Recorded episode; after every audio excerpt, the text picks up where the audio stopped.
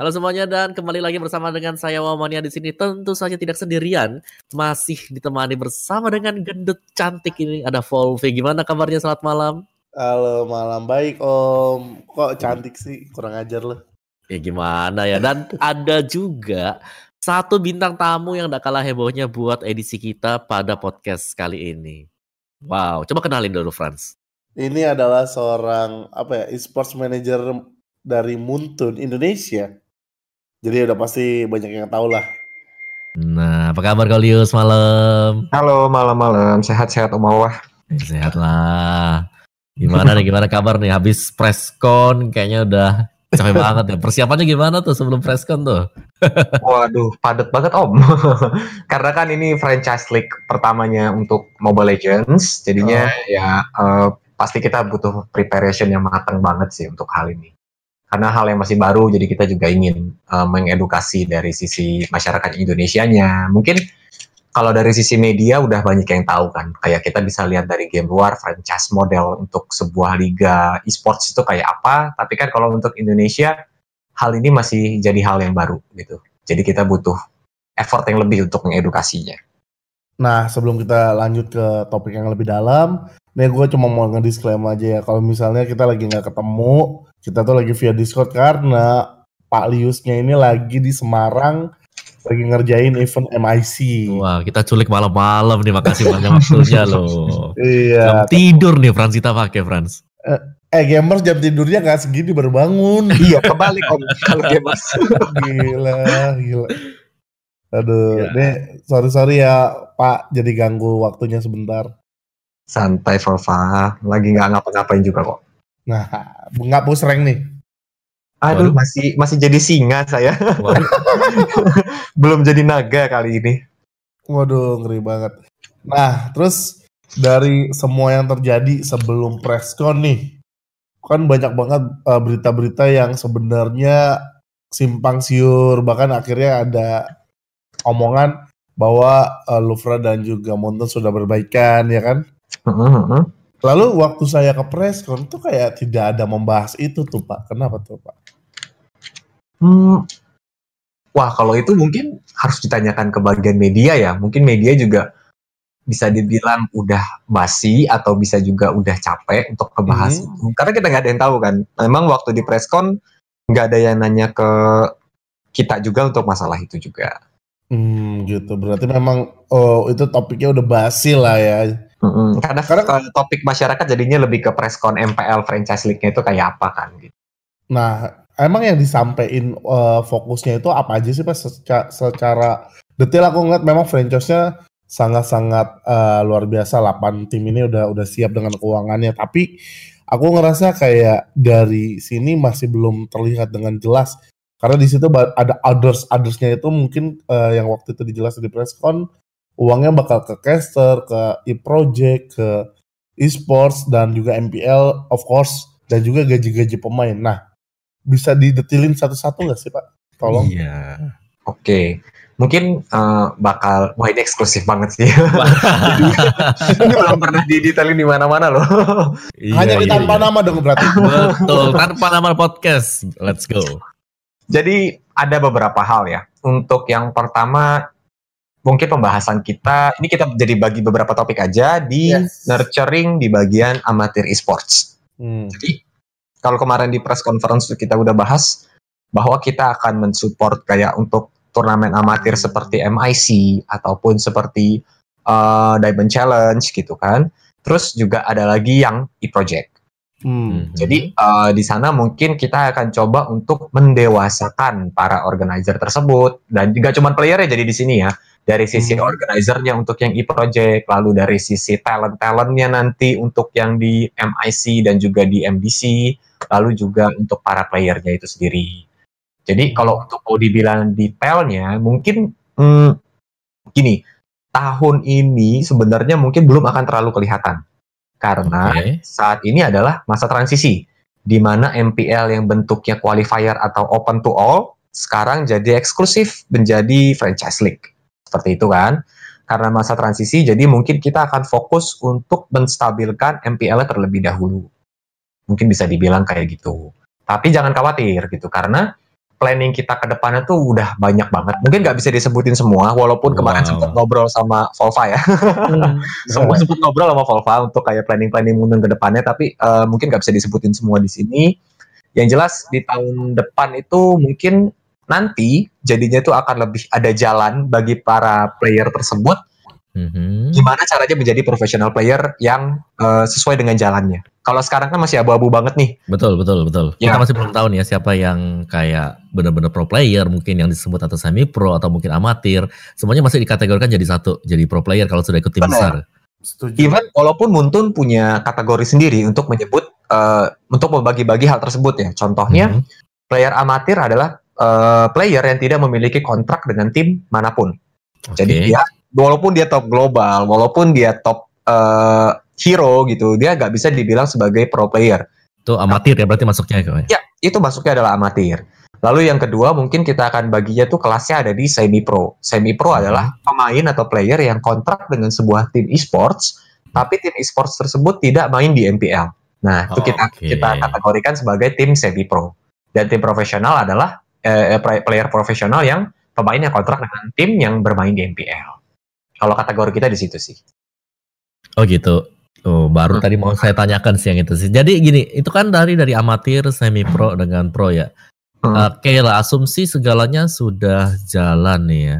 Kira-kira nih, apakah dengan begitu eksklusifnya cuma ada 8 tim saja bermain di MPL, regenerasi seperti apakah yang bisa diharapkan dari player amatir mungkin yang mau ikut join atau sudah, oh ini enak banget yang main di pro, atau mungkin buat yang di semi pro yang timnya mungkin gak kuat bayar mungkin buat ikut di MPL? Hmm, gini, kalau dibilang regenerasi kayak yang tadi dibilang, mungkin Hmm. sekarang jadi terkesan eksklusif. Balik lagi ini adalah betul betul betul ya. namanya sebuah hal pasti ada pro dan kontranya, bener kan? Ketika pro-nya adalah kalau kita bahas tentang franchise league, mungkin mereka akan jadi lebih stabil, eh, tim dan playernya pun jadi lebih terjamin. Tapi Betul. kontranya adalah eksklusivitas. Jadi kan eh, terkesan yang tim yang eh, membayar atau ikut serta dalam franchise tersebut, maka hanya tim tersebut yang bisa main. Begitu juga karena pro player itu dikategorikan adalah player yang bermain untuk tim yang ada di MPL, maka mungkin orang akan bilang, wah ini mah udah nggak ada jalan lagi buat kita. Nah itu dia Gitu. maksud saya. Jadi, Jadi oke oke terus terus ya, terus terus terus terus.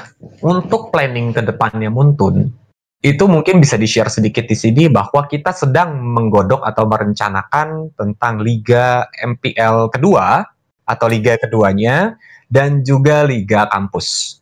Di mana Oh. itu semua nanti akan kita hubungkan dengan MPL. Bukan berarti timnya nanti akan bisa masuk MPL, bukan gitu. Tapi yang kita hubungkan adalah playersnya itu sendiri. Oke, berarti itu semua bakal ada range antara MPL, Liga Kampus, dan juga tadi Liga kedua sebelum MPL.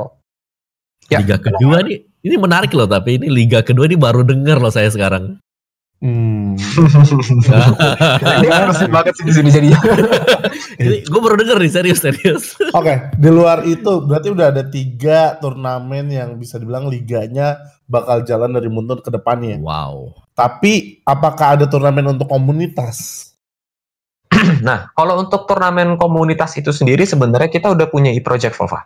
Jadi Hmm. eh, komunitas bisa menjalankan turnamennya sendiri dan disupport oleh Muntun. Kayak kemarin yang dibilang seba- eh, ada akan ada dana dari franchise league tersebut yang akan kita eh, alokasikan ke e-project. Jadi jika memang kalian rasa oh eh gua pengen ngadain turnamen bagus nih, kayaknya bagus buat komunitas gua atau oh gua mau ngadain turnamen bagus nih buat kota gua gitu-gitu, mereka bisa apply ke e-project langsung dengan beberapa syarat. Contohnya ya, hmm, tanggalnya tuh nggak boleh bentrok dengan eh, event official Muntun dan juga eh, nanti kita akan bantuin edukasi sih. Jadi nggak bukan berarti contoh tanggal let's say tanggal 17 Agustus Muntun punya turnamen. Lalu mereka apply di tanggal sana dan kita langsung reject gitu aja. Enggak. Tapi malah akan kita kasih tahu kayak oke tanggal segitu nggak available, tapi tanggal sekiannya available loh. Mau pindah aja nggak ke tanggal sekian. That's why e-project itu kalau mau apply disarankan H- satu bulan, kurang lebih gitu. Berarti harus 30 hari ya. Itu Oke. biar semuanya stabil, semuanya lancar dan turnamen ini bisa disupport oleh Muntun. Nah, Tapi- itu kan itu kan player tuh. Eh tadi apa Om? Om dulu deh. Nah, tadi kan ini kan e-project berarti yang kita harus 30 hari sebelumnya. Nah, Baik, uh, balik lagi kalau e-project itu turnamennya lepasan atau bisa ikut kayak semacam sistem liga. ya liga gitu semi liga atau gimana lah kayak round okay. robin gitu misalnya kayak grup A, grup B, grup C, grup D. Tapi selesainya mungkin dalam satu minggu itu gimana? Jadi ada beberapa ketentuan untuk e-project untuk perihal ini ya. Karena uh, Liga Muntun kan saat ini uh, sudah mulai berjalan kembali. Betul. Dan juga kemarin ada regulasi baru dari pihak Muntun bahwa turnamen e-project tidak boleh dalam bentuk liga. Jadi hmm. hanya boleh dalam bentuk turnamen. Kenapa kita uh, melakukan seperti itu? Karena kita harus melindungi interest daripada audiensnya itu sendiri. Nanti kan kalau seandainya ada liga, let's say lah ya, let's say A Pro League atau nanti judul ini judul eventnya ya atau nanti mm -hmm. uh, B B Liga profesional gitu-gitu orang akan jadi bingung sebenarnya yang profesional ini yang mana MPL atau liga profesional tersebut gitu kan nah kita harus melindungi uh, para audiens agar tidak menjadi kebingungan seperti itu dan juga kita juga harus menjaga agar ekosistem di liga yang dijalankan oleh Muntun tetap sehat Itulah kenapa kita nggak boleh memperbolehkan sistem turnamennya dalam bentuk liga ke depannya. Oh gitu. Jadi tapi kalau grup itu tergolong liga ya berarti kalau misal mereka round robin tapi selesai dalam dua hari, Sabtu Minggu atau satu hari? Itu abu-abu sih om. Tergantung. Nah, itu makanya itu saya bingungnya di sana itu gitu. abu-abu sih om. Jadi hmm. uh, kita nggak bisa bilang itu, kita nggak bisa sebut itu liga, tapi nggak bisa sebut itu juga ke knockout sistem. Iya iya. Yeah. Ya kan. Nah jadi kalau untuk hal yang seperti itu mungkin kita akan lihat dari proposalnya terlebih dahulu atau planningnya si event organizer tersebut mau dibawa ke mana eventnya mau dalam bentuk apa kalau memang masih uh, satu visi dengan Muntun maka mungkin event tersebut tetap bisa kita support alright Waduh. cakep ya gila sih berarti Muntun benar-benar mau jor-joran untuk e-sports Indonesia I iya nah kalau kalau kita ngomongin e-sports Indonesia, artinya ada chance gak e-sports yang di luar negeri sana dijor-jorin juga? Of course, itu tentu hmm. aja. Jadi uh, Muntun kan bukan hanya perusahaan Indonesia ya, bisa kita bilang Muntun adalah perusahaan global. Yes. Tapi Indonesia bisa kita akui bahwa Indonesia adalah salah satu market terbesarnya Mobile Legends Bang Bang. Itulah kenapa kita sangat senang banget ketika melihat antusiasme dari para penonton, antusiasme dari para playernya itu sendiri terhadap e-sports Mobile Legend. Itulah kenapa kita lebih fokuskan ke Indonesia terlebih dahulu gitu. Jadi Indonesia mendapatkan uh, privilege atau mendapatkan eksklusivitas dari Muntun bahwa saat ini market Indonesia tetap menjadi yang utama. Gitu. Berarti untuk pertama kalinya buat Muntun sendiri Indonesia yang franchise gitu ya? Yep, bener banget. Wow. Karena di sini sebenarnya Indonesia harus bangga sih sebenarnya karena hmm. bisa kita lihat dibandingkan di negara Southeast Asia, Indonesia adalah salah satu yang perkembangan e-sport yang sangat pesat dan juga stabil. Jadi nggak cuma berkembang doang tapi nggak stabil ya. Itulah hmm. kenapa uh, kemarin tuh kita sempat jadi topik yang panas banget di internal sebenarnya untuk masalah franchise league ini. Apakah udah bisa kita pakai atau mungkin kita harus tunda dulu untuk di season-season ke depannya gitu. Oke. Bener sih, karena soal bicara soal stabil nih ya memang e-sportnya kenceng sih, cuman takutnya kan goyang juga ya itu ya. Benar. Kayak apa ya? Antusiasnya cepet, tapi cepet hilang. Cuman dari Mobile Legends sendiri buat bisa pertahanin nanti setelah ada franchise ini gimana tuh ke depannya? Apakah sudah ada kayak tadi kan udah bilang tuh ada liga-liga tuh ya atau mungkin ada hal yang lain lagi kayak advertisement atau apa gitu yang lain lagi di luar dari dari ya, di luar Liga dari ya. e-sport itu sendiri mungkin. Iya, ya. iya. Oke. Kalau dari e-sportnya sendiri mungkin tadi kan udah disebutin ya. Kalau ya, di luar dari e-sport tentu aja. Contohnya kita terus melakukan upgrade atau pengembangan untuk di dalam game kita sendiri. Mungkin hmm. kalau kemarin yang udah Was. nonton Epicon, kita ada Mobile nah, Legends 2.0. Mau saya tanyakan nih tadi nih ya. ya Buat Iya, sabar jelasin dulu kok. ada banyak banget trik-trik dari uh, dari Buntun itu sendiri untuk agar tetap para player ini tertarik untuk main Mobile Legends. Jadi hmm. nggak hmm. bosan gitu. Oke, kalau misalnya itu kan dari Buntun ya. Misalnya dari manajemen tim. Okay. Ada kasus misalnya di mana dia di tahun kedua karena kan ini kontrak franchise ini adalah lifetime. Yap, benar di tahun kedua tidak ada yang mau masuk timnya dia lagi dan tidak dia juga bingung tidak ada yang mau beli uh, slotnya lagi, apa yang harus dilakukan oleh tim tersebut? Oke, kalau dari faktor di sana, mungkin dari sisi Muntun juga akan membantu. Karena uh, ini kan bukan cuma milik tim A doang atau Yes. tim B doang atau hanya milik Betul. Muntun. Tapi ini kita milik yang miliki bersama.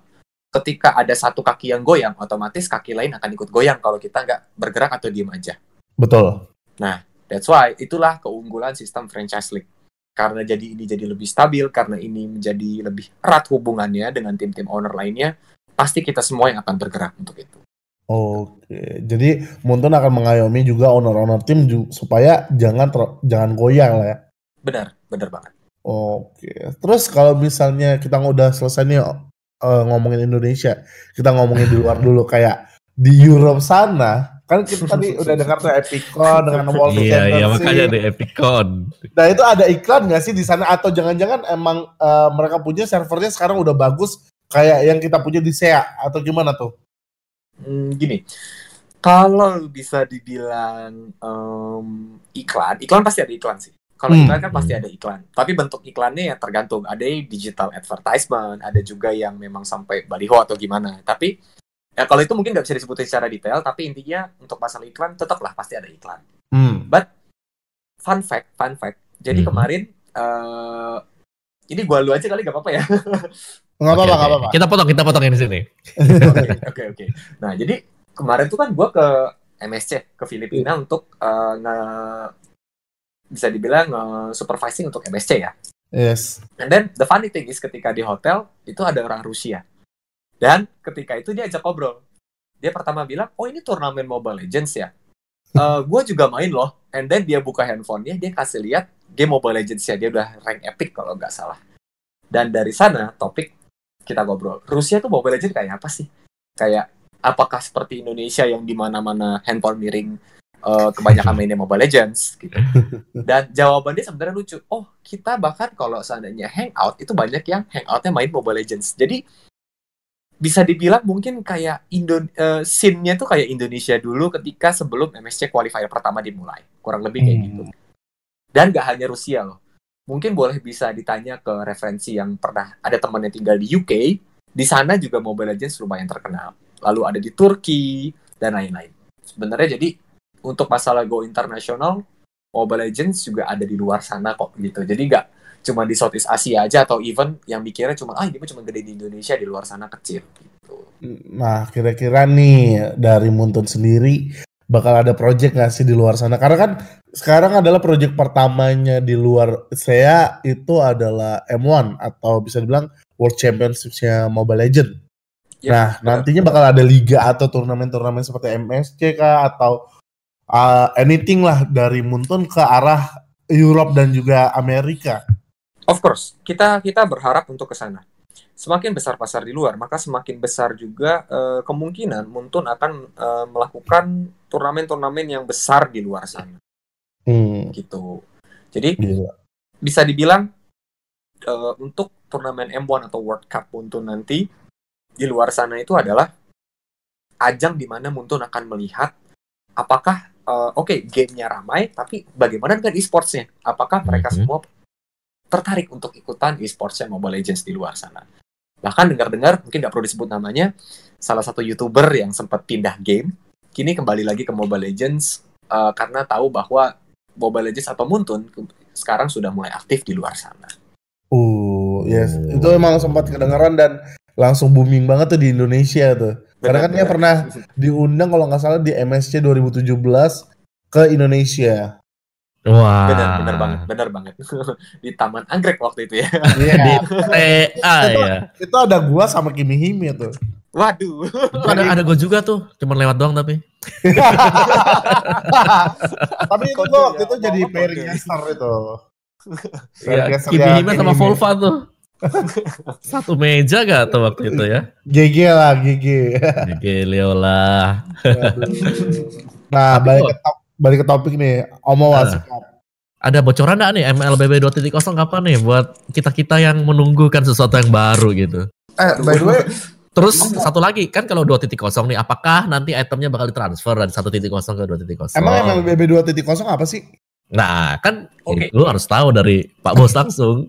Jadi definisinya dulu aja kali langsung. Eh, eh. Iya, iya. V2.0 itu adalah pembaharuan dari bagian engine. Jadi kalau mungkin yang di bagian development game yang ngerti itu kita sudah bergerak ke Unity yang terbaru Wow. gitu. Jadi apa sih keuntungannya eh, kita menggunakan pembaharuan engine tersebut? Kayak yang disebutin di EpicCon kemarin, yaitu loading Hmm. time jadi lebih sedikit, grafik juga lebih HD, Bagus. dan tapi device device yang memiliki spesifikasi yang rendah tidak akan keberatan gitu. Jadi malah ini membantu untuk device yang rendah untuk merasakan eh, high frame rate atau 60 fps. Kurang Oh, lebih tapi kayak gitu ya, kurang lebih kayak gitu. eh, itu dari engine-nya. Tapi kalau yang lain-lainnya nggak ada bocoran kisi-kisi lagi gitu buat kita kita semua. Jadi Selain sekarang- daripada engine. Sekarang itu bulan Juli ya. Oh iya, iya, tanggal deh, tanggal deh, bulan deh. Aduh, waduh, waduh. Oke, Em, kurang lebih, kurang lebih dalam waktu 1 sampai 2 bulan ke depan kita ada rencana untuk launching. Ah, berarti mungkin Jadi, kita siap-siap. 2019 dong. Gue tadi mau tanya tahunnya loh. Dapat bulannya. Iya, baik kan saya? Di tahun ini ya berarti tahun ini ya. Gue kira Mungkin ini Om. Itu rencananya ya, rencananya. Eh, Wow. Semoga nggak Mungkin berubah, season semoga depan, Om. lancar. Tapi eh, itu rencana kita, kita akan launching di tahun ini. Oh. Wow. Wow, itu oke banget sih kalau kata gue itu Dan kalau bakal tadi pertanyaan Om Wawa untuk apakah nanti eh, device-nya, eh, maksudnya akunnya bisa dipindahin atau Iya, iya, iya, iya. Nah itu nggak perlu khawatir karena even bahkan kalian cuman kayak download update nantinya. Oh, enggak, Tuh. enggak. nggak Oh, nggak sampai kita ganti aplikasi enggak. Kan sih kan biasanya ada yang kayak gitu kayak dia ngerubah dulu aplikasinya harus download yang ini, harus register ke sini. Ke sini kan kita tahu sendiri lah ya orang-orang itu males gitu kalau mau Hmm. pindah. Benar Hmm. banget, benar banget. Dan itu enggak kok, jadi aman. Oh wow. Tapi back to nih kita kembali ke MPL sih kali ya. jadi jadi sekarang ada fokus eh sorry. Jadi kalau ada kayak misal nih ya kayak season kemarin kan kita tahu banget lah ya player pindah itu betapa chaosnya ada yang tiba-tiba kena ya begitulah pokoknya tiba-tiba pindah playernya mungkin atau ini atau itu. poaching. Ah, ya gue gue udah mau ngomong gitu Franz. Terus apakah buat sekarang ya buat nanti kan kita tahu nih udah sistem liga pastinya ya bakal ada rules dan juga ada pengaturan. Tapi apa yang terjadi semisal dari playernya sendiri yang melanggar apakah mereka bakal dikasih sanksi tidak bisa main untuk tim A atau timnya sekarang atau mungkin bahkan dikeluarkan dari liganya sendiri. Oke. Jadi gini, kalau untuk sanksi detailnya mungkin Iya. kita nggak nggak bisa sebut ya. Lebih tepatnya belum bisa sebut karena itu kan case by case tergantung Mhm. dari kasus yang akan terjadi nanti. Setuju? Tapi mungkin bisa dibahas untuk masalah perumusan peraturan tersebut. Mungkin kalau dulu di MPL season pertama sampai season ketiga, MPL adalah milik Muntun mutlak. Jadi eh, semua yang merumuskan peraturan, semua yang merumuskan untuk kayak hmm, hukuman ataupun itu sampai penalti biasanya dari Muntun. But karena MPL sekarang adalah franchise league, maka kita Betul. semua akan bersama-sama akan merumuskan peraturan-peraturan yang jauh lebih baik lagi. Jadi kalau sampai nanti ada player yang memang eh, bandel gitu atau sampai mungkin kayak tadi Franz eh, Volva bilang tuh di poaching atau gimana, otomatis pasti kita akan ada kayak mungkin bisa sidang paripurna kali ya. Sidang paripurna. sidang paripurna dengan beberapa eh, dengan semua tim owner yang berkecimpung di MPL ini untuk ngobrolin hal tersebut. Tapi sebenarnya lebih positif sih Omawa. Lebih Karena positif kan- ya. Ya karena kan kalau untuk masalah poaching-poachingan dulu dulu ya Mhm. lu lu gue gue. Tapi kalau sekarang kalau mereka poaching di kolam sendiri itu cari Ya, mati ya, sih ya memang sih. Mungkin Oke, kayak gitu. Itu itu untuk yang poaching ya. Nah, ini ada yang seru nih. Kalau misalnya ada match fixing, apa yang bakal terjadi? Kalau itu Wah gila sih. Wah gue tanyanya apaan coba? Eh, itu Ah, kita tapi- nggak bakal nggak bakal Masuk akal gak sih tapi kira-kira bisa akal. terjadi gak kayak Bisa gitu? Apakah karena sudah ada solusi mungkin dari Muntonnya sendiri gitu untuk Ya, match fixing? Sebenarnya gini, kalau untuk olahraga tradisional, match fixing tuh ma- match fixing itu lebih Ya, kelihatan nggak- biasanya betul, ya, betul, betul, kelihatan. betul. Sedangkan e-sports itu bisa dibilang sedikit susah untuk dideteksi apakah ini match fixing atau enggak. But Mhm. ketika kita memang sudah memegang semua bukti yang ada dan hal tersebut adalah valid setelah diketok palu, itu adalah match fixing, otomatis kita tidak pandang bulu. Otomatis mereka pasti akan langsung dihukum. Hukumannya apa? Seperti yang aku bilang tadi, seperti yang gue bilang tadi, Mhm. balik lagi ke sidang paripurna tersebut. Sidang paripurna Gitu. semua ya. Ya, Si, Benar, karena kita lebih demokrasi jadinya ya. This is Betul, ya makanya itu kenapa uh, moto untuk MPL season 4 ini we own this. we Karena own cuma milik this. Muntun seorang. Makanya ada Wii di sana. Ya, benar. Nah, balik lagi ke Piala Dunia nih. Eh, gua ngomongnya Piala Dunia aja ya, kok. Nah, untuk Piala Dunia kali ini gua ngerasa tidak tidak bisa dicari nih informasinya karena gua ngebuka eh, server Rusia pun kan nggak bisa, ya kan? Dan gua nggak tahu gimana caranya gua mau nonton eh, server-server lain dengan mudah. Apakah memang tidak ada atau emang belum ada atau memang eh, ya ada gitu loh. Untuk gua bisa cari informasi detail apa yang terjadi dengan eh, kualifikasi Piala Dunia Mobile Legend. Oke, mungkin kalau seandainya kita lihat dari kalau Indonesia itu kan gampang banget ya biasanya udah re-uploader juga udah banyak banget setiap ada pertandingan Yes. besar biasanya Nah, di-upload. Tapi kalau untuk di Rusia sana kan untuk mungkin dari sisi re-uploadernya atau dari sisi eh, sosial medianya mungkin memang masih belum terlalu hidup bisa dibilang gitu ya.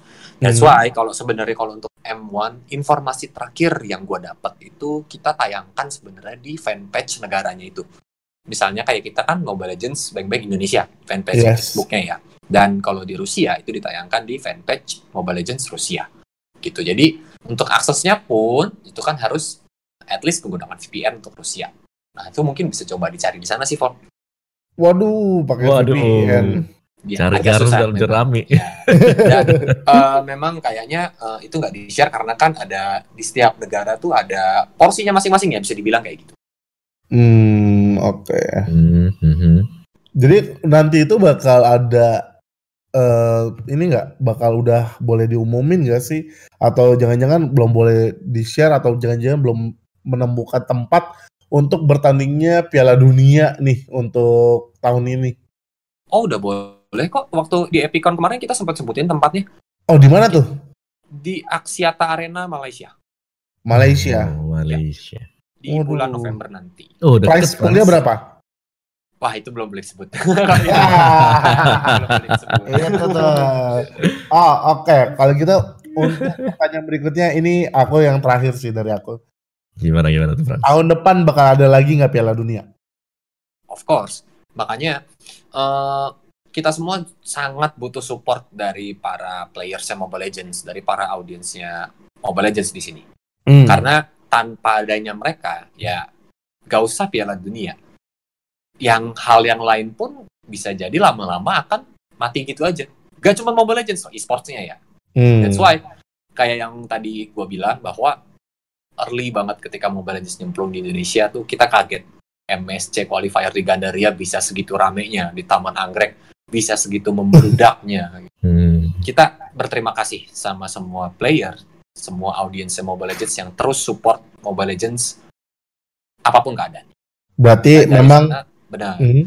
balik lagi mungkin jadi dari sana selama masih ada players dan audiens yang haus akan turnamen-turnamen uh, internasional seperti itu maka Muntun akan terus berusaha untuk memprovide atau memberikan yang terbaik buat mereka.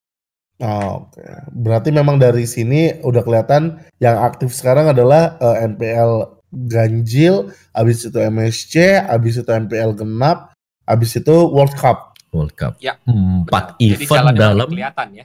Ya ini yang baru kelihatan. Tahun depan kayak gini lagi atau jangan-jangan nanti eh, sebelum MPL ganjil ada yang lain-lain dulu gitu. Um, mungkin untuk wah nggak berani sebut deh. Nggak berani sebut deh. tapi tapi Eh. ini tapi ini udah udah udah pasti empat ini tahun depan. Ya. Udah Tapi- pasti. To be. Amin, amin semuanya lancar. Amin, Amin. semuanya Ini berarti- berjalan. nggak apa-apa terus terus terus. Berarti habis MPL season 1 udah pasti MSC, habis eh, MP eh sorry bukan season 1. MPL ganjil, habis itu MSC, MPL genap, habis itu World Cup. Timelinenya uh, se- Tahun seharusnya ya? seperti itu. Ya, Oh, Oke. tahun.